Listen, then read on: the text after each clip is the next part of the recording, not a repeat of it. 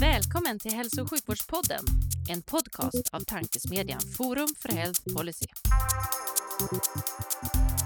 I den här podden möts frågor om hur vi kan få bättre hälsa med frågor om vilken politik som krävs. Det kommer bli samtal om personcentrering, ledarskap, digitalisering, organisation, politik och mycket mer.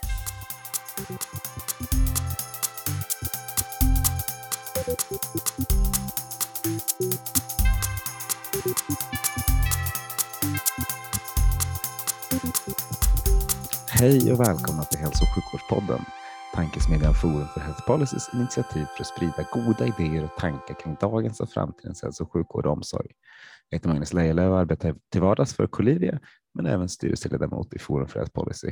Idag sitter jag utan min poddkollega Livia som är borta i annat uppdrag, men jag har förmånen att ha en väldigt spännande gäst, hälso och sjukvårdsdirektören från Stockholm, Anders Ahlsson. Hur är läget? Det är bra. Det är bra. Det känns roligt. Skönt, det tycker jag också. Mm. Men, månar är bra. Månar är bra för mig. Månar är bra. Vi sitter en onsdag morgon idag som känns som en fredag eftersom det är Kristi himmelsfärd imorgon. Ja. ja, det är också bra. Ja. Mycket bra idag. Men då tänkte vi, hur, hur tror du att svensk hälso och sjukvård ser ut 2040? Är den bra ja. eller vad tror du? Ja, Nej, det är en jättebra fråga. Jag tänker så här att jag, svarar på hur jag skulle vilja att det såg ut 2040. Då, Absolut. då kommer jag att fråga sen, hur tror du efteråt? Vet du? ja, okay. men, men kör hur okay. du skulle vilja, det är jättespännande. ja. Nej, men vi, vi står ju inför stora omvälvningar, det gör vi ju för att det är ju väldigt tydligt att vi kommer inte kunna i, i takt med att vår befolkning blir äldre och demografin förflyttas då, och, eh, så att eh, andelen äldre ökar i betydligt högre takt än andelen i arbetsför ålder så kommer vi liksom inte kunna jobba på det sätt vi gör nu. Så vi står inför stora omvälvningar. Jag hoppas att sjukvården präglas av eh, det som den gjorde under uppbyggnaden av andra världskriget och framåt, det vill säga optimism, entreprenörsanda, eh, identifikation med uppdraget, det fantastiskt roliga att få jobba i hälso och sjukvård. Ehm, det försvinner kanske i debatten ibland tycker jag. Det vill säga, när man frågar sådana här eh, filmstjärnor och så här, och man kan titta i sådana här eh, tidningar med frisören då, eh, då uttrycker de ofta så här att nej men jag, egentligen skulle jag vilja jobba med någonting meningsfullt.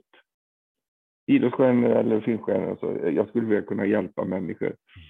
Och den fördelen, den har man ju direktaccess till i hälso och sjukvårdsarbete. Och att känna den identifikationen och känna den tryggheten i professionen. Det vill säga det råder optimism, arbetsglädje, entreprenörsanda, nybyggaranda. Det hoppas jag på. Det hoppas jag verkligen också. Min, min känsla är att om jag hade gått ut och frågat folk i svensk hälso och sjukvård nu så hade inte alla svarat att det är optimism, entreprenörskap och arbetsglädje som är liksom de genomgående orden. Precis så. Hur, hur, hur, ska vi nå dit? För den där målbilden den har jag jättegärna. Den tror jag vi är många som delar. Men hur, hur ska vi nå mm. dit? Hur ska vi få, få alla att tycka att det är kul och att man liksom uppmuntrar entreprenörskap inom de stora sjukhusen och så? Ja, men jag tror det är viktigt att man, eh, alltså dels att man faktiskt pratar om den eh, den dysfori som kan råda. Mm.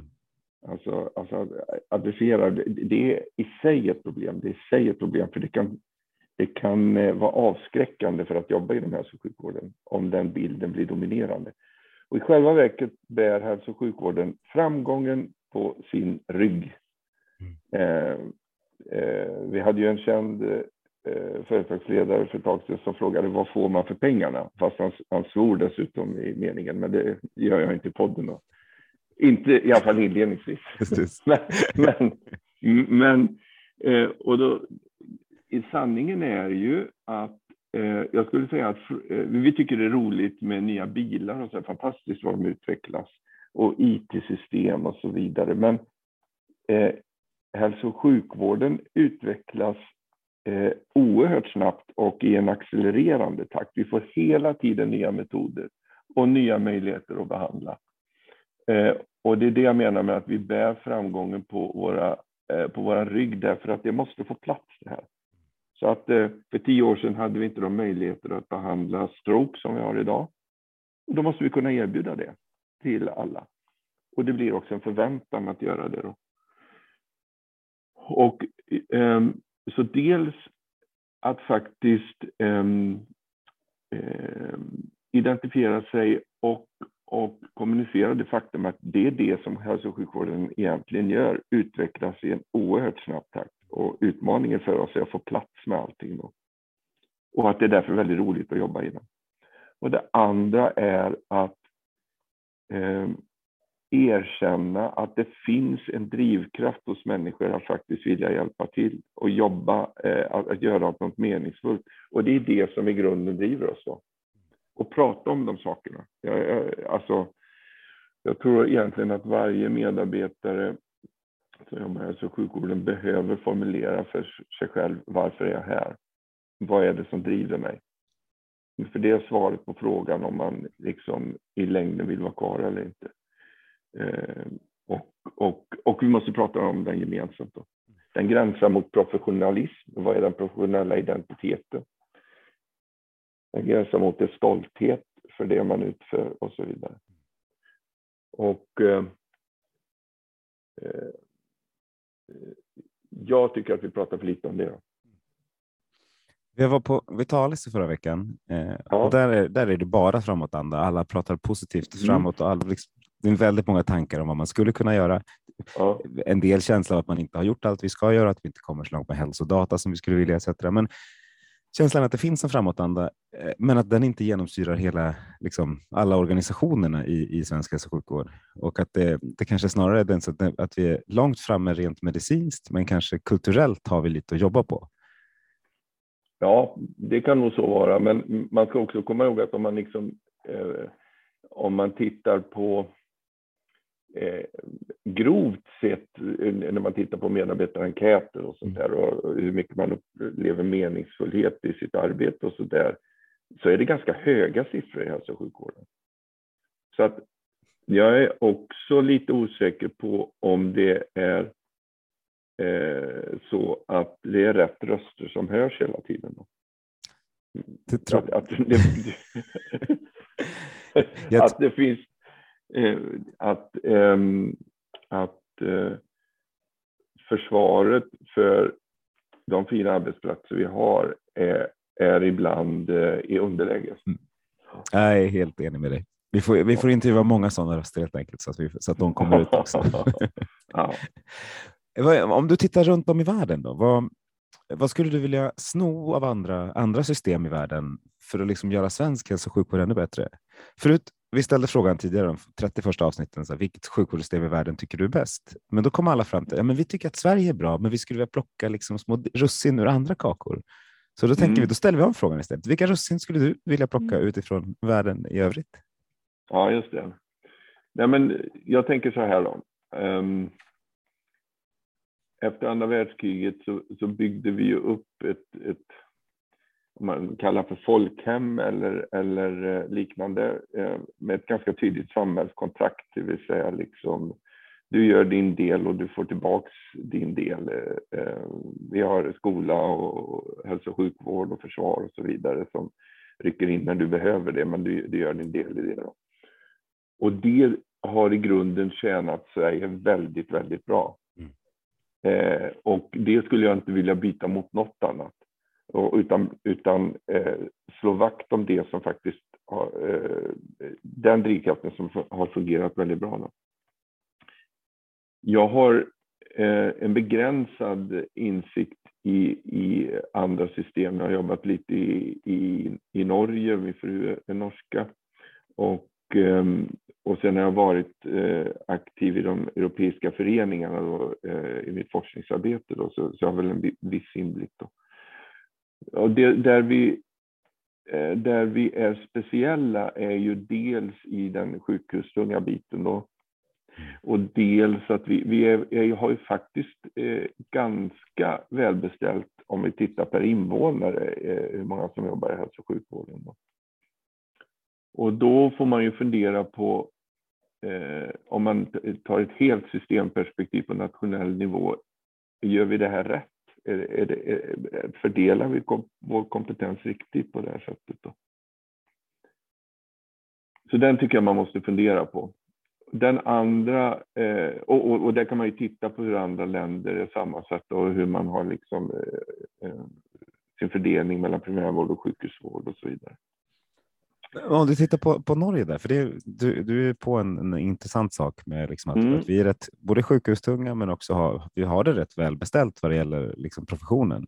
Norge mm. har, är, liknar ju oss vad det gäller samhällskontraktet, mm. men där gör man det lite annorlunda.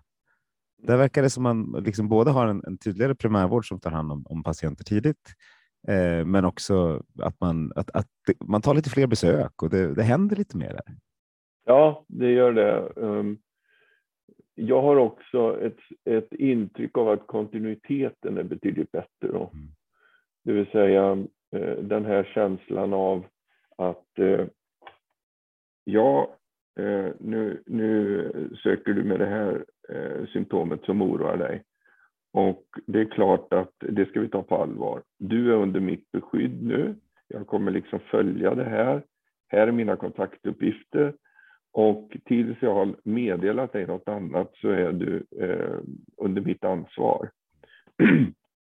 och det där, jag menar, det finns naturligtvis eh, ställen där det inte fungerar så, men generellt då.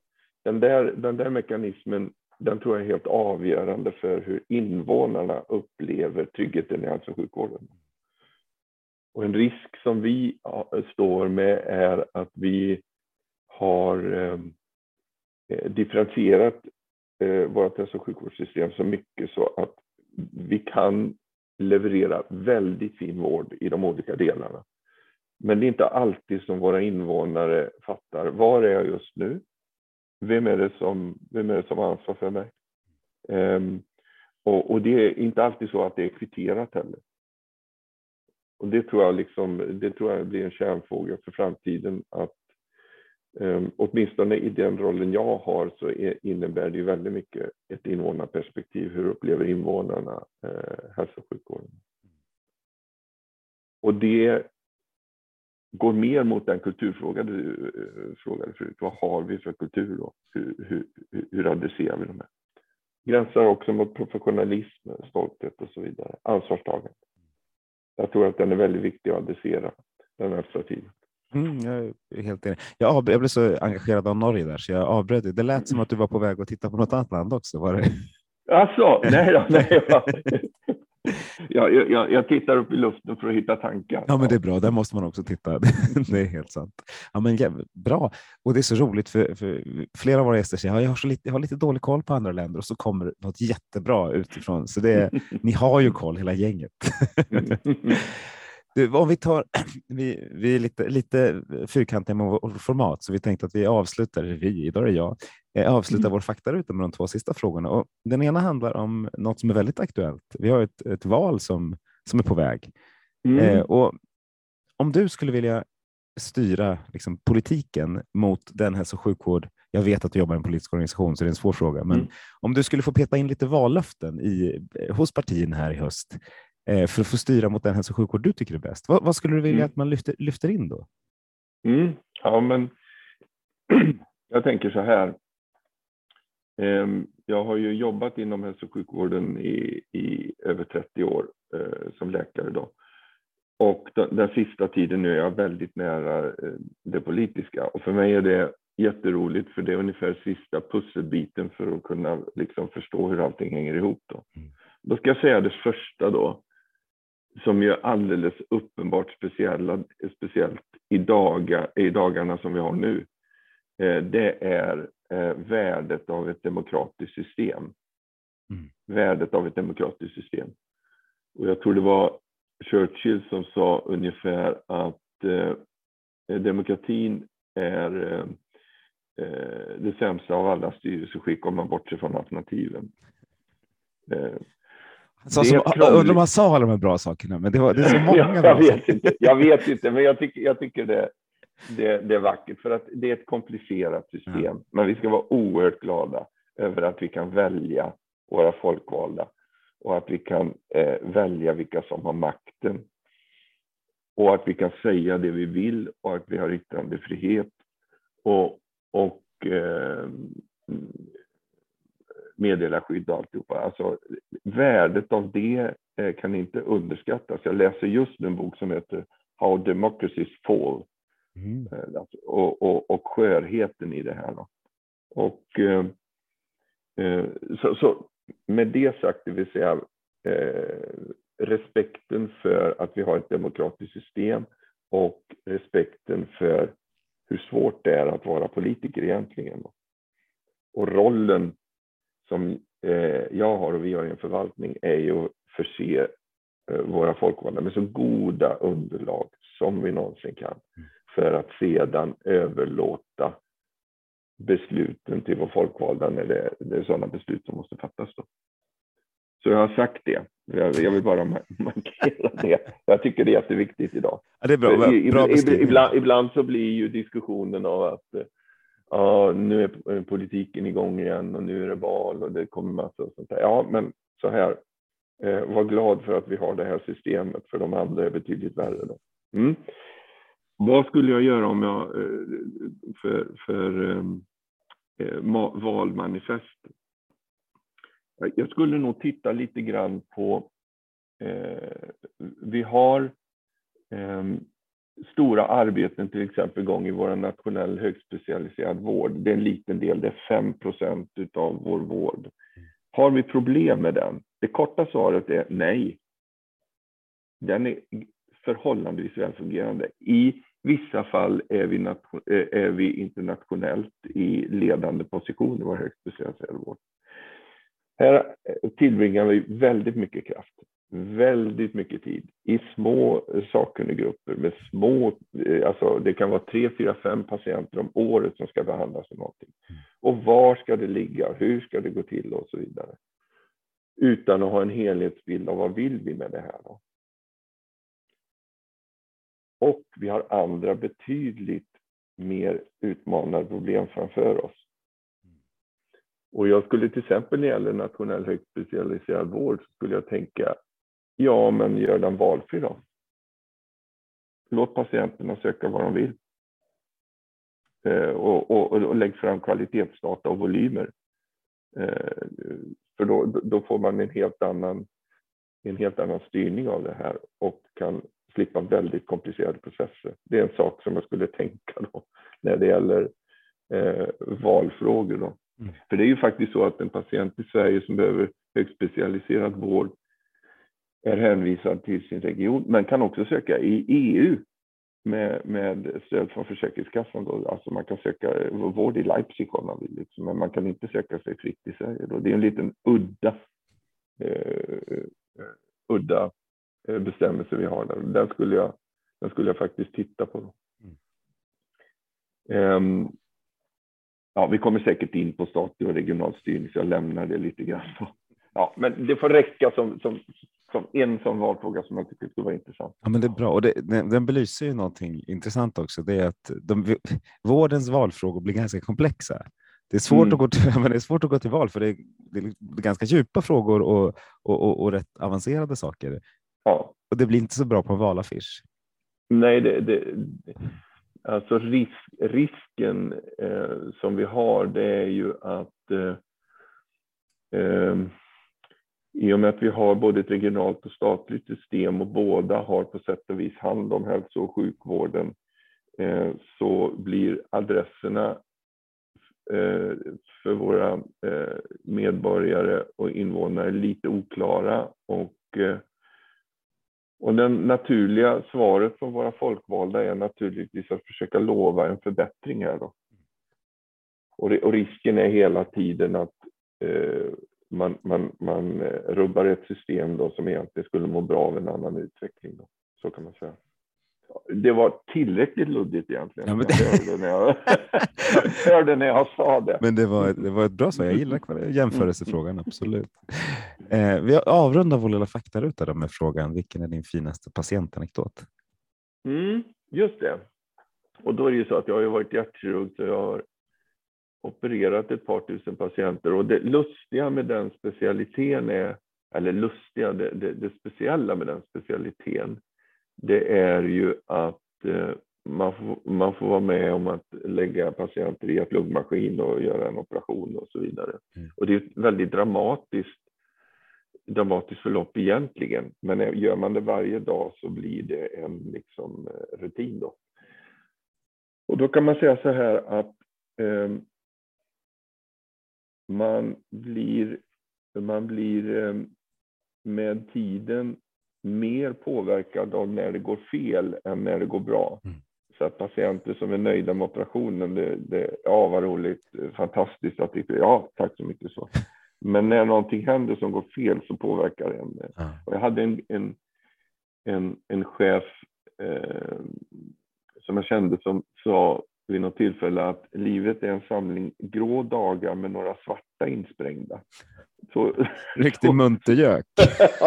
han upplevde livet som hjärtsjuk på det sättet. Så. Men jag förstår egentligen vad han menar. Han menar liksom att man framgångarna, eh, så, så, de, de, de noterade man, men patienter som, som eh, får, får illa, de bär man med sig. Mm. Så tänkte jag först att ja, men jag tar något av de patientfallen som har gått bra eller dåligt. Då. Men tänkte jag säga, nej men jag tar när jag själv var patient.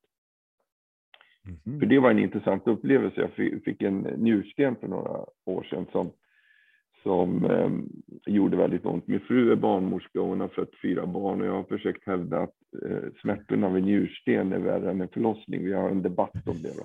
Men, Det finns ju stu- ja, men- studier på det gjorda av män. Ja, det finns det. det, finns det. Ja, så jag har försökt hänvisa till det också. Men jag vet inte, jag tror, jag tror den frågan är olöst. Men det gör i alla fall väldigt ont. Ja. Men så satte den, den, den eh, fastnade mellan njuren och urinblåsan då, och, och, och satt kvar där. Liksom. Och, och det gjorde väldigt ont. Så till slut så, så, skulle, så var jag tvungen att eh, genomgå en dagkirurgisk operation då för att ta bort den där. Och då med bakgrund av att jag har varit läkare så länge och opererat nästan varje dag så kan man ju tycka att det där, den där miljön kan jag ju liksom, det där vet jag ju. Och det där måste jag vara helt komfortabel med. Men när man är patient så är det lite annorlunda. Då.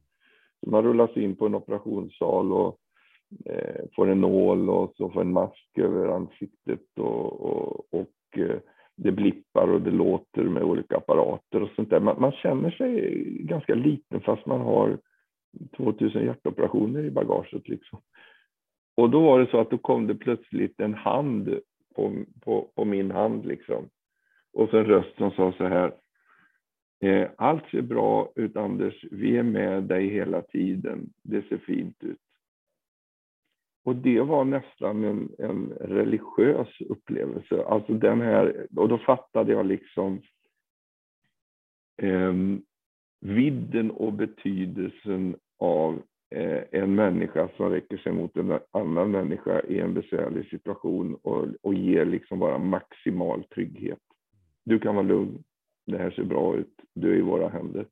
Eh, och det, jag ska säga att jag var jättenöjd med att eh, man fick ut stenen och alltihop och sånt där och bra operation var det och alltihop och sånt där. Men, men den där den där händelsen den överskuggar själva liksom prestationen och operationen. Och jag, nu vet jag ju inte vem det var, jag vet inte vem som la handen på min hand, men jag är ju beredd att eh, skicka ett blommogram idag om jag får reda på adressen, bara för att det du gjorde då var liksom enastående. Vilket också speglar vad fantastiskt det är att jobba i hälso och sjukvård och få möjligheten att i svåra situationer ibland kunna ge den tryggheten. Så den, den, den upplevelsen bär jag med mig efter det. En fin anekdot som också belyser det här att vi, vi kommer digitalisera en massa processer, vi kommer göra, göra en massa saker, men det där empatiska, det kommer verkligen att behövas framöver i sjukvården också. Ja, det är ju grunden. Det är Ja. ju hela grunden. Men och det, och det gäller att vi lyfter fram det, det är liksom att Ja. fokuset i, i sköterske och läkarutbildningen faktiskt handlar om det. Ja. Att så här, hur hanterar vi alla, alla saker runt omkring och all, alla digitala möjligheter och samtidigt ser, ser patienten? ja. Ja. Och, och, det, och, då, och det leder mig till min, min nästa erfarenhet att, att för, eh, i grunden måste man tycka om människor för att jobba i hälso och sjukvård. Och man måste tycka om människor om man vill vara chef och ledare. Mm om man är väldigt bra i analysförmåga och, och eh, eh duktig eh, på det sättet så behövs man. Men om man inte är intresserad egentligen av att jobba med människor, och det är inget fel i det, man är olika, men då är inte det ett bra yrke. Nej. Och hur gör man då? då? För vi, vi har antagning till läkarprogrammet, om vi tar läkare som exempel, har ju väldigt ofta baserats på att du ska ha väldigt höga meritvärden av olika slag. Och det, mm. det säger ju inte alltid något om hur empatisk du är och hur, hur, hur mycket du bryr dig om människan. Det handlar ju väldigt mycket om hur duktig du är på att ta in kunskap. Ja, men, men eh, empati är dels någonting som vi har med oss. Det finns ju arkeologiska utgrävningar av eh, 15 000 år sedan med eh, individer med svåra handikapp, då medfödda handikapp som eh, definitivt inte kan gå men som har levt till de var 15 år. Mm. Det vill säga i ett stenålderssamhälle så har man liksom ändå tagit hand om de här individerna och gett dem mat och så vidare. Det, vi har empati med oss, men empati går också att lära. Mm. Det är jätteviktigt. Om man vill. Det, det, går, vill. Det, går, ja, det går faktiskt att, att lära ut också. Man kan jobba på båda sakerna. Ja, det är helt så. Nej, jag bara, mm. bara reflekterat över att det är liksom inte, det är inte något, ett krav för att, för att bli läkare, men det är bland det absolut viktigaste. Ja, just det. Ja. Men, men sen har det, det har ju i alla fall under min karriär också varit så att eh, eh, eh individer som uppenbart saknar inlevelseförmåga eller förmåga till, eh, till eh, patientkontakt Eh, de funkar ju oftast inte i den här miljön. Och det, det, genom individuella samtal och alternativa karriärer så, så kan eh, personer som har andra egenskaper och talanger få utlopp för det. Då. Mm. Men det är väldigt viktigt att, liksom, att man, att man i, i, speciellt som chef då liksom är, är noggrann med det här. Mm. Och våga prata om det absolut. Men du, eh, din, på tal om din karriär, eh, så här en halvtimme in i podden. Oj, herregud! Visst är det roligt? Mm, ja, ja, jag pladdrar på. Du, du, du får stoppa mig. Jag, lovar. jag tycker du har pladdrat om väldigt bra saker. Jag är, ja, okay. liksom jättenöjd hittills. Men ja, Anders, vad, bra, vad bra. Vad bra. Vem är du och vad, vad, gör du idag och hur kom du dit? Om jag får ställa den jättelånga frågan. Eh, Just det. Just det. Så jag Ehm, är ju då eh, läkare, hjärtkirurg, har varit det i, i eh, jag var hjärtkirurg i 28 år, opererade sista patienten 30 april 2017. Och första maj då så började jag eh, helt som eh, administrativ chef. Då, då var, blev jag temachef på Karolinska. Innan dess var jag väldigt mycket i Örebro och i, lite grann i Norge också. Då. Och sen har jag då eh, gått in helt för ledarskap och chefskap. Så jag har varit temachef på, på Karolinska, jag har varit en stund som VD på Sankt Eriks ögonsjukhus. Och nu är jag hälso och sjukvårdsdirektör i Stockholm då sedan eh, ett drygt halvår. Eh, jag har också en forskarbakgrund och har varit med en hel del i europeiska riktlinjearbeten och sånt där och ehm, sysslat mycket med eh, förmaksflimmer förmaksflibber och och risker med det så, och behandlingsmetoder för det. Um, har, um, grovt sett så har jag varit i en ledar eller chefsposition ungefär halva tiden av min karriär. Mm. Och det betyder att man trivs i den typen av positioner, tänker jag? Ja, och då är det så här att um, jag, jag, när jag var hjärtkirurg så tänkte jag nog att det här är det roligaste som finns och det kommer jag gå i pension som. Eh, men sen eh, Eh, min, eh, jag, jag, tror jag kom in på det bara för att eh, min chef såg att jag tömde postfacket alltid. Liksom. Och, och, och ska, här verkar det vara någon slags ordning, ska du inte liksom eh, organisera eh, operationsavdelningen lite grann? Och så började jag på det sättet och liksom produktion och så där. Och sen så gled det bara vidare. Och det jag upptäckte då och det är väldigt intressant, det är att eh, utvecklings, eh, alltså hastigheten i utvecklingen går väldigt snabbt i början när man håller på med kirurgi. Man, man lär sig nya operationer och så. Sen kommer man i en platå då. När jag gick in i chefs och ledarskap då var det precis samma utveckling väldigt snabbt. Och så, herregud, här finns massa saker som jag inte kan något om. Jag vet ingenting om arbetsrätt och HR och ekonomi och controlling. Jaha, har vi myndigheter? Vad, vad, vad sysslar de med? Och du vet sådär. Ja. Och, och, och jag tycker i allmänhet att eh, eh, tiden i skolan var en av de roligaste tider jag varit med om, då, vilket mina barn suckar ihärdigt över när jag framför. Liksom. Det vill säga att det är alltid roligt att lära sig saker. Så den här att gå in på chef och ledarskap, det innebar för mig liksom en slags nystart, nytändning och lära mig nya saker. Mm.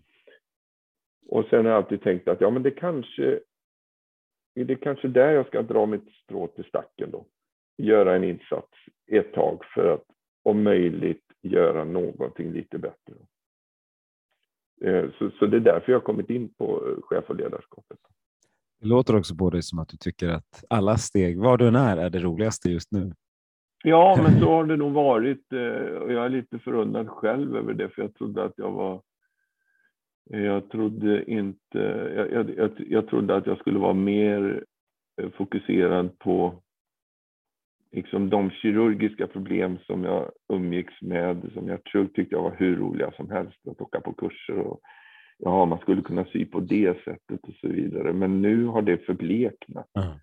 Och nu har liksom, och jag ska även säga, och det är ju lite läskigt, att även den medicinska vetenskapen eh, jag handleder fortfarande doktorander och sådär, men jag ser att det finns en annan dimension av kunnande. Som, alla svaren finns inte i medicinska vetenskaper. Gud förbjude. Sam, sam, samhällsvetarna har en hel del att bidra med. Mm. Statskunskap, kultur, herregud kultur. Jag brukar säga nu att det är liksom det är, eh, jag läser hellre en stor klassisk roman än en ny bok i ledarskap. Och den ger mig mer i ledarskapet än boken om ledarskap i allmänhet. Ja. Jag håller fullt med. Det, om du hade fått sno någonting från kulturen då? Från liksom kultur, det kulturella området, det är ett väldigt brett mm. område, mm. in till hälso och sjukvården som du tycker att vi skulle behöva berika hälso och sjukvården med. Vad hade du, vad hade du velat plocka då? Jo, jag skulle säga så här. Jag är väldigt eh, upptagen vid det som heter omdöme. Då. Och det beror egentligen på att när jag var läkare, ung läkare då, så tittade jag alltid med stor respekt på de förebilder jag hade som hade ett gott kliniskt omdöme. Och de, jag visste vilka det var, jag kunde alltid gå till dem och jag tyckte att det här är en klok person. Då. Och omdöme innebär flera olika saker. Alltså det är kunskap naturligtvis, erfarenhet, värderingar. Det med värderingar för ett omdöme. Mod integritet och mod att fatta rätt beslut och så vidare. Och då balansera egentligen, tycker jag, balansen mellan förnuft och känsla. Det är det som är liksom eh, det som kulturen lyckas med bättre ibland än vi lyckas med. Vi tror att eh, vi har en föreställning ibland om att människor är rationella. Så kör vi ut vårdprogram och eh, riktlinjer och så, så kommer det här funka. Eller vi styr i linjen vi, vi, vi styr i linjen, allting kommer funka på det sättet. Så funkar inte människor. Om jag tar en tonsättare som Bach då, som var väldigt matematiskt intresserad. Eh, och eh, en, en fuga av Bach till exempel är, den kan man analysera utifrån eh, det sinnrika matematiska tänkandet i hur man lägger in nya stämmor och så vidare. Och det kan man analysera i detalj. Då. Det, det finns alltid en, en rationell analytisk del i hans musik. Då. Men det som kommer till oss, det är ju bara upplevelsen av en helt annan värld. En helt annan, eh, ett helt annat känslospektrum. Så den kombinationen som en sån tonsättare eh, lyckas göra av det rationella och det känslomässiga, det är en förebild för mig den tycker jag eh, vi behöver in i, i, i, eh, i ledarskap och i kultur och allting som har med sjukvård att göra. Vi var inne på empati förut. Hur ska du liksom, jaha, hur ska vi mäta det eh, i, en, i en enkät? Ja, du förstår. Absolut. Och jättebra poäng. Väldigt liksom, både målande men också något jag verkligen tror vi behöver. Vi håller på att implementera kunskapsstyrning nu i, Sverige Mm. som är precis det där du sa. Ja, men vi, om man ska behandla hyper, hypertyreos, då behöver vi 134 sidor pdf för att kunna liksom, styra åt det hållet.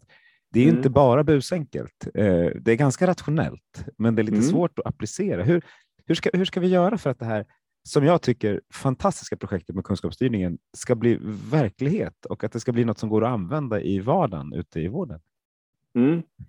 Också en lite, bra lite lätt fråga. Sådär. Ja, jo, men den, den är jättebra eh, fråga. Jag tänker så här att jag satt ju i några år och gjorde sådana här europeiska riktlinjer för flimmer, förmaksflimmer och för kraftsjukdom och så vidare. Mm. Och det, insikten av den processen gör att jag har väldigt stor ödmjukhet inför det här med kunskap. Då. För det, varje riktlinje innebär två års arbete. Eh, och sen så till slut så, så får man definiera vad är kunskapsläget just nu då? Hur ser det ut här just nu då? Och då vet vi att de senaste studierna kommer två månader innan riktlinjerna ska ut och de måste vi försöka knöka in. Och sen publicerar vi det och sen eh, tre månader efter har vi en ny studie som eh, går emot någon av de där riktlinjerna.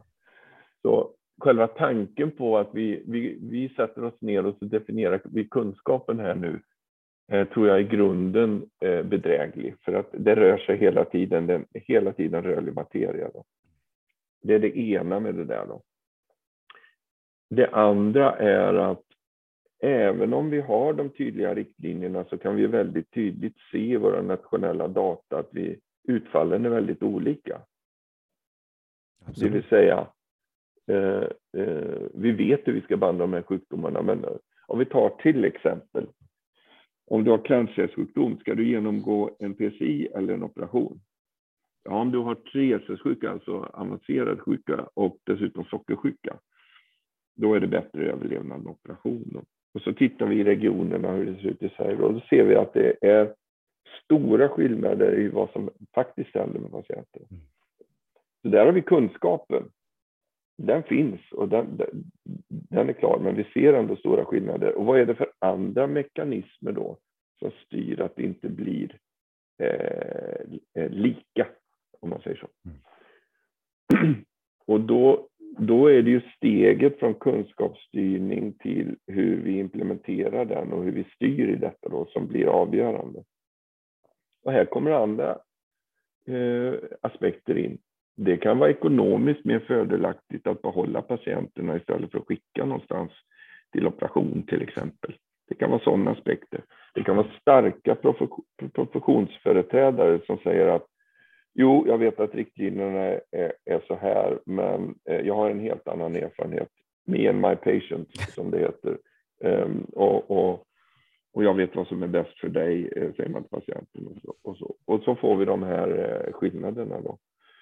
Så jag tror egentligen problemet, utmaningen ligger inte så mycket i eh, Alltså, det finns utmaningar i, i, i, i att fastställa kunskapen eftersom den är rörlig. Men det går att komma fram där. Men vad som händer sen, det är där som utmaningen är. Hur styr vi på den här kunskapen? Då? Och ibland så skäller man ju på kunskapsstyrningen att eh, eh det produceras massa dokument och sådär. Men ja, men hur använder vi dem då? V vad gör vi av det som kommer fram i hur vi leder och styr? Då? Det är det som är en avgörande fråga. Mm. Så vad vill egentligen våra eh, olika regioner med och hur vill man använda systemet? Jag tror det är det som är avgörande. Och det är jättebra. Två saker. Du... Vad sa du? Kör. Kör. Nej, nej ja, ja, jag tror att framtiden för kunskapsstyrningen ligger mycket i att hjälpa till i prioritering. För det blir också så att kunskapsstyrning i sig kan jag menar, vi tar en patientgrupp och vi vill ha så och så och så och vi tycker att man ska göra så och så. Alla vill ha likadant. Det expanderar. Resursåtgången expanderar mm. för alla. Och det håller inte systemet för. Vi behöver hjälp med prioriteringen. Jag tror att det kommer vara avgörande för framtiden om kunskapsstyrningen orkar med det. Mm, verkligen. Prioriteringen är en nyckel där utan tvekan. Men du nämner två saker. Det ena är professionen och den, det är en kulturell fråga, lite som vi har varit inne på. Det är ganska svårt, eh, svårt att styra det på, på liksom individnivå. Men, men den där andra saken om, om hur ekonomin påverkar, hur ersättningar är olika i olika delar av landet faktiskt påverkar hur du vill, var du vill ha patienten i flödet. Mm. Mm. Du är ju lite biased av att du sitter i, i den regionala roll du har, men vad, vad, vad Mm. tycker du vi borde styra, styra statligt och vad tycker du vi borde samverka kring och vad tycker du vi borde göra regionalt för att det här ska Mm. funka på bästa sätt? Ja. Så här tänker jag. Eh, och jag är nu då lite desillusionerad efter att ha eh, tillbringat de här åren eh, i sjukvård och i ledning och styrning. Den som räcker upp handen till mig och säger så här. Eh, jag vet hur hälso och sjukvård ska styras. Jag har lösningen här. Den förklarar för mig omedelbart sin eh, bristande insikt och kompetens. Mm. För ingen vet, ingen vet hur hälso och sjukvård ska styras optimalt. Du, Eh, du, du, kom- du, sa den, den, den, precis den meningen under ett seminarium hos SNS. Sa jag det? Ja, Oj då. och det, och det, gör, det, var, jag bara, så, det var så befriande att se hur hela salen bara, ja, nej men så är det ju. Nu får, nu får vi ju skärpa oss. Ja, ja. Vad, mm, eh, det finns olika sätt att styra som tar hand om olika aspekter. Och nu tar, pratar vi alltså sjukvård. Tar vi sen in utbildning och forskning så blir det extremt komplext. Men det finns olika eh, sätt att styra. Och, och mitt mantra är att oavsett hur vi styr så gäller det att ta hand om de nackdelarna som uppstår vid nuvarande styrsystem. Då. Det är det som är utmaningen. Då.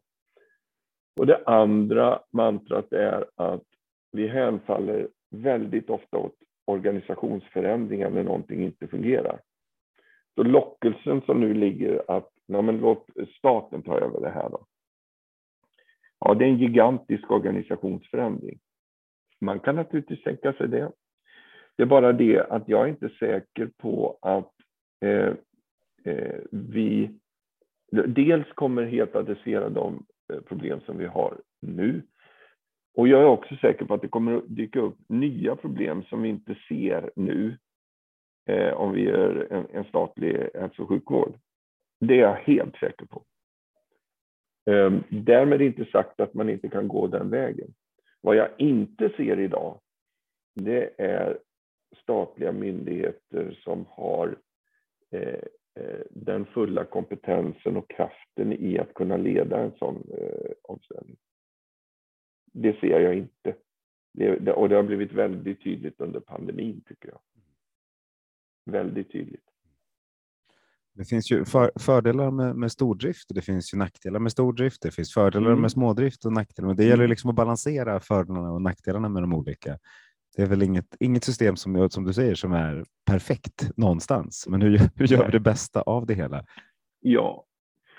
Jag, jag tycker kanske det är lite sorgligt att man inte lyckades eh, eh, i de här eh, tankarna med storregioner. Det tror jag hade hjälpt oss en del i, i vissa frågor, det måste jag säga. Jag håller med.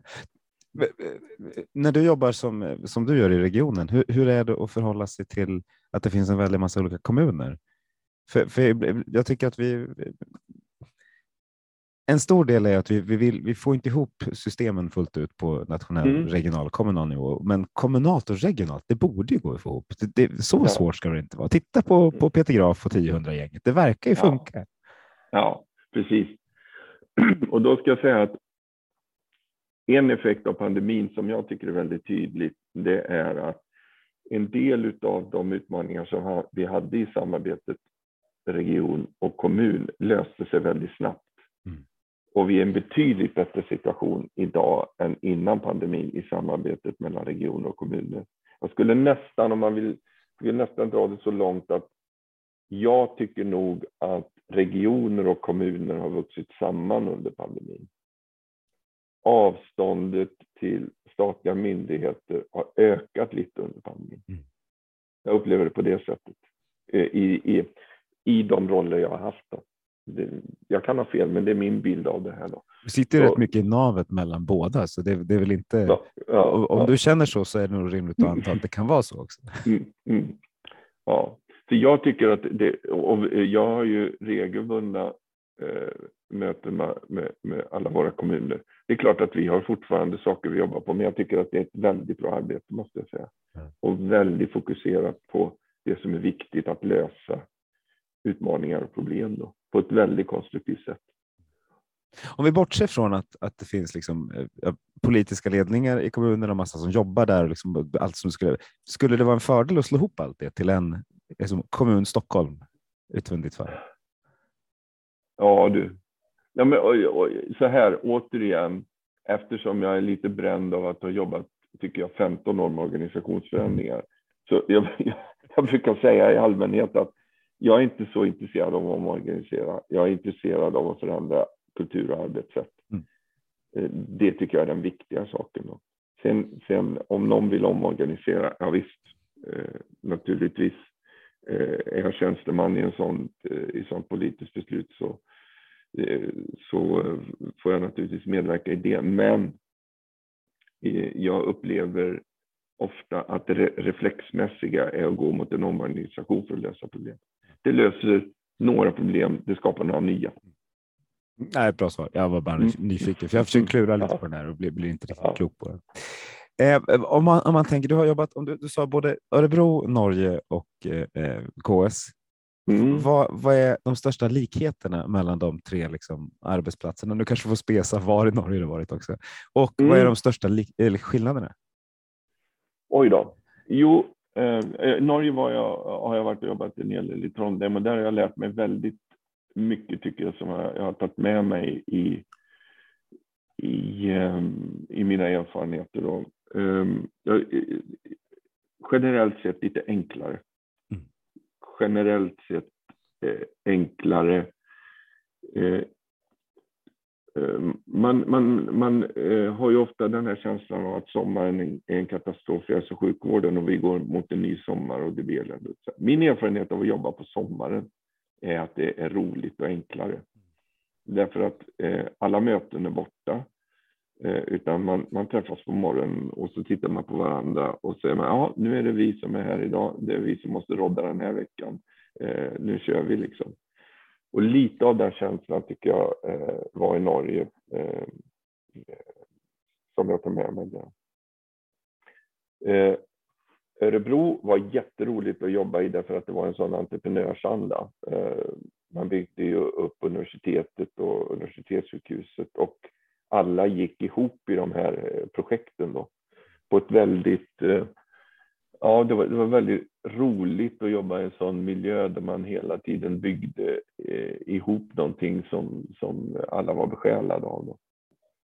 Och Stockholm är jättespännande därför att det är, är så stort och det är så komplext. Då. Eh med eh, hela systemet. Vi har, vi har de världsledande institutionerna. Eh, vi har kraften i hela eh, life science och eh, precisionsmedicin och allting som liksom sker här. Och jag brukar tänka när jag var på Karolinska att oavsett vad jag öppnade för dörr och gick in i så satt det några där inne som hade tillbringat hela sitt liv med ett, en viss typ av sjukdom eller viss typ av problem. Och det, det var helt fascinerande att möta de här människorna. Så det finns en enorm kompetens. Då. Och ett stort system med, med ehm, eh, fantastiska möjligheter. Det som jag ser som utmaning är att göra det eh, helt begripligt för våra invånare, vägarna in i vården och var jag är just nu i det här systemet. Det tycker jag eh, är en stor utmaning. Då. Jag brukar tänka så här, alltså när jag var chef över, verksamhetschef brukar jag säga ibland att om du kommer in med din fru eller dina barn till din verksamhet Måste du ringa några telefonsamtal då? För om du måste ringa några telefonsamtal, då har du ett arbete att göra nu. Och i motsvarande situation så tänker jag att ja, men nu är jag hälso och sjukvårdsdirektör i Stockholm. Och om min, min fru eller mina barn behöver vård i Stockholm, kan jag bara blunda och säga visst? Eller måste jag kolla var kommer de någonstans? Och så länge jag känner en, en, eh, en eh, oro över att ja, men jag måste nog kolla eh, hur det här går, liksom, då har jag ett arbete att göra. Ungefär så jag vet inte om det var svaret på skillnaden mellan Örebro, Trondheim och Stockholm, men, men ja, det är min bild. Det var ett väldigt bra svar i alla fall, även om du kan, ja, precis, svaret på frågan, det vet inte sjutton, men det var, var ett väldigt bra svar. men då, om, vi, om vi hoppar över det här med, med regional, regioner mm. kontra stater så, så tänker vi, vi går mm. bara till Stockholm. Eh, mm. Det verkar vara svårt att få en jämlik vård även i Stockholm. Om man tittar längs, längs tunnelbanelinjen så är, är liksom man lever väldigt mycket längre om man på en, ena änden av tunnelbanelinjen kontra andra. Mm. Det finns mm. jättestora mm. klyftor i, i, i Stockholm. Ja. Hur ska vi komma ja. över det? För det är liksom ett ja. jätteproblem. Vi pratar mycket om jämlikhet i Sverige, men vi kan ju gå bara till Stockholm. Ja, precis. Och vi har ju eh, något som heter Folkhälsokollen. Mm. Man, kan, man kan gå in i, i eh, Region Stockholm karta och så, och så titta. Det är ju enkätsvar naturligtvis, men, men de är ganska stora och breda enkäter med jämna mellanrum. Var äter man dåligt? Var, alltså, var, var äter man inte grönsaker? Var dricker man mycket läsk? Var röker man cannabis? Var motionerar man inte? Och så vidare. Då får man väldigt tydliga bilder här och då framträder det du säger väldigt tydligt, det vill säga vi har områden som eh, eh lever, eh, som har ett, en osund eh, livsstil då, som kommer belasta vården. Det är ju det som det, det är ju liksom det stora motivet för att titta på hur ska vi, hur ska vi komma till rätta med det här. Och jag tror när det gäller det folkhälsoarbete att om man säger så här grovt sett, vi har ungefär 10 procent som lever extremt hälsosamt. Mm. Eh, gör allting rätt. De är meningslöst att informera om eh, bra kostvanor eller motionsvanor. Så för de, de, de, lever med, de, de suger åt sig all information. Sen har vi någonstans kring 80 procent som lever någorlunda hälsosamt. De vet eh, om eh, hur man bör leva, men, men gör avsteg ibland. Lite grann som, som, som eh, eh ja, det, det, kan man identifiera sig med. Jag sträcker upp, en, jag sträcker upp en hand där också. ja, ja, ja, och så 10 procent som lever direkt ohälsosamt. Då. Men om vi sen tittar på utbildningsnivå, eh, till exempel, alltså om man eh, eftergymnasial utbildning och så vidare, och områden, då blir skillnaderna ganska markanta. Så jag tror att man måste förena precisionsmedicin med preventivmedicin på det sättet att vi måste identifiera, och här behöver vi hjälp av våra stora akademiska institutioner. Vilka åtgärder fungerar för att komma till rätta med till exempel kostvanor eller fetma eller motionsvanor. Alltså, vad är det för åtgärder som är effektiva? Just nu utvärderar vi det då som heter eh, hälsosamtal. Är det meningsfullt eller inte? Ja, jag tror att eh, vi kommer, eh, alltså min bild är att vi måste gå från bred, eh, brett folkhälsoarbete i, i den aspekten till att bli preciserade. För vi måste jobba med vissa grupper väldigt fokuserat. Och där måste många in. Skola, eh, kommuner, eh, bibliotek, idrottsrörelse, ideella organisationer måste samverka för att få det här, eh, de här förändringarna till stånd så vi slipper sjukdomsbördan. Um, um, ja, det, det, det, är så jag tänker med att komma till rätta med de grundläggande skillnaderna. Då. Hur ska man göra? Kan vi göra... Ja, Kör, sen kan vi. Nej, nej jag, jag pratar för länge. Kör det, det gör du inte alls det. Jag är bara så nyfiken. Det är ett så spännande område. Nej, men för ni, ni har ju en, ett jätteintressant projekt i Stockholm som, som, med sociala investeringsfonder där ni tittar på hur kan man behandla diabetiker med ett digitalt vaccin eller vad det kallas. Mm, mm. Eh, vilket ju är jätte, liksom, ett, ett intressant grepp, men en väldigt liten del av pengarna som går till prevention kontra vad som går till ja, men precisionshälsa och allt annat. Mm. Hur, hur, ska, hur ska, behöver vi omallokera resurser? För uppdraget i vården är, handlar ju mycket om de som är sjuka. Eller hur ska, hur ska vi mm. göra för att få med oss för, för att få med oss det där preventiva på ett tidigt sätt till alla? Ja, precis. Men jag, jag tror att man riskerar att gå fel om man, tänk, om man tittar på eh, resurser bara därför att en magnetkamera kostar alltid betydligt mer än eh, om det nu är hälsosamtal fungerar, som mm. fungerar till exempel. Alltså preventiv och folkhälsoarbete behöver inte vara speciellt kostsamt. Men det som är viktigt är att det blir preciserat. Absolut. Jag, jag, tror inte liksom, om man säger så här, nej men vi ska öka från 5 till 8 procent eller någonting sånt. Det, det är liksom inte svaret på den frågan. Frågan är, tycker jag, ganska vetenskaplig. Vad är det för metoder som fungerar? För jag vet ingen folkvald som, om jag skulle gå till, oavsett eh, färg tror jag, om jag skulle gå till och säga så här att nu har vi en metod som fungerar här.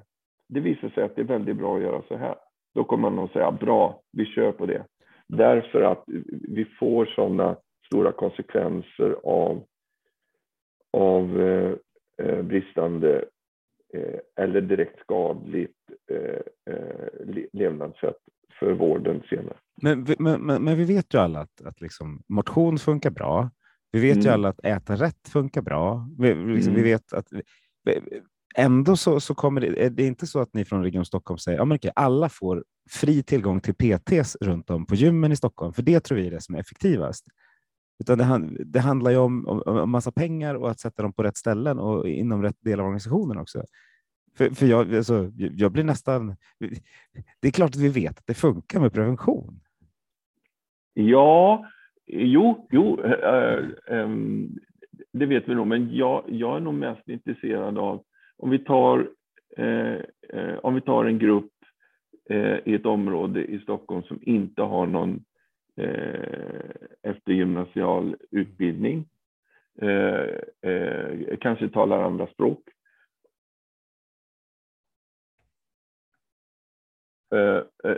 och eh, lever osunt och eh, äter fel kost. Då. Hur når vi? Hur når vi? Vad, vad, är det för metoder som faktiskt funkar för att ändra här? Då?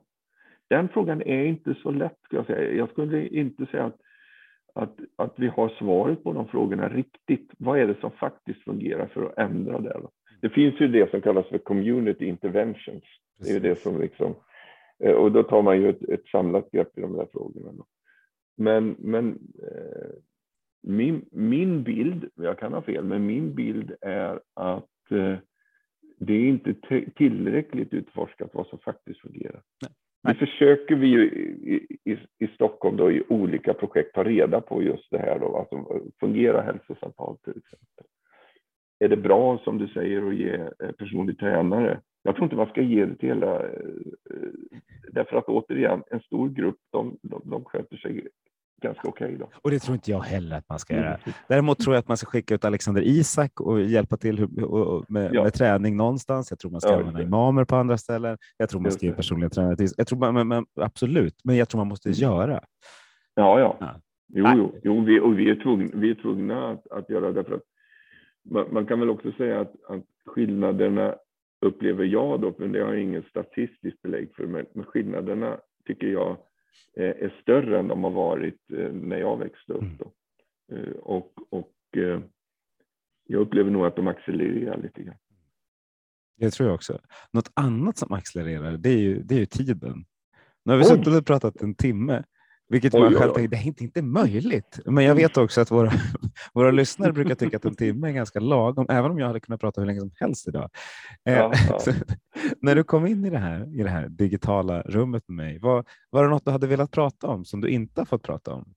Jag hade skickat lite Nej. frågor i förväg och så där. Vi har inte berört hälften av dem, utan vi har, vi, vi har berört Nej, en väldig massa. Jag, jag, har, jag har pratat sönder din podd. Du, alltså, är det något det är du inte ska vara är det vara ledsen, för du har gjort precis det vi vill. Du har pratat om spännande ja. saker. Men, men är det något annat du känner att det här skulle jag vilja lyfta, så får du jättegärna göra det. Nej, men jag, jag, kan avsluta med att lyfta bara det som jag berörde lite grann och, och, och som jag tycker har varit Eh, Eh, en, eh, något som jag har kunnat hålla fast vid under hela mitt yrkesliv. Och det är att ett, ett, ett gott omdöme, det går att odla.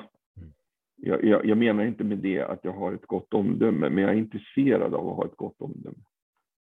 Och ett gott omdöme innebär så många eh, saker som kunskap, erfarenhet, eh, värderingar, integritet, mod och så det går att odla i grupp och det gör man genom dialog. Och det går att odla kollektiva omdömen. Och det är det, eh, för mig är det räddningen i väldigt många situationer. Vad, vad, vad är riktigt här just nu? Mm. Vad, vad, är det klokaste? Vad är det bästa ur patienternas eh, syn, synvinkel? Ur invånarnas synvinkel? Ur medarbetarnas synvinkel? Liksom, vad, vad är det klokaste vägen framåt här? Och här behöver man odla kollektiva omdömen. Och organisationer som har eh, kloka kollektiva omdömen, kloka ledningsgrupper och så vidare, de klarar sig alltid bra. Mm. I både storm och i högtryck. Liksom. Så, så det är väl mitt, min, eh, det är, det är nog den viktigaste erfarenheten jag har med mig. Vi började prata med eh, din chef där i början som hade ljusgråa dagar som, som, och så några svarta. Mm. det känns som att du har ljusrosa dagar mest hela tiden och så finns det några, några gråa däremellan. Men ja, det... nej, men jag, ty jag, tycker, jag tycker i allmänhet mina dagar är väldigt roliga. Det är klart att det finns, eh, det finns eh, svåra möten och så vidare, men, men, men eh, arbetet eh, tycker jag är jättespännande. Herregud. Jag tänker ibland att jag, när jag sitter i gungstolen på på eh, hemmet eh, och, och tänker tillbaks på yrkeslivet så ja, men jag, jag jobbade med många väldigt roliga människor och jag var faktiskt med på den där tiden när allt det där hände. Det var ganska kul. Mm. Det är en eh, inställning som, jag, jag, kan inte se dig framför mig förresten i en, rullst, en gungstol, men eh, det är en inställning som man liksom, som vi verkligen, alla ni som lyssnar där, tar med i den. För det är så vi måste tänka. Det måste vara roligt ja. att göra saker och, och, det, är då, det är då man verkligen lär sig någonting. Men du, tack så hemskt mycket Anders för att du var med i Hälso och sjukvårdspodden. Ja. Och, tack så mycket, jättetrevligt. Och tack alla ni som har lyssnat. Nu går vi ut och, och gör svensk hälso och sjukvård till lite bättre. Grymt!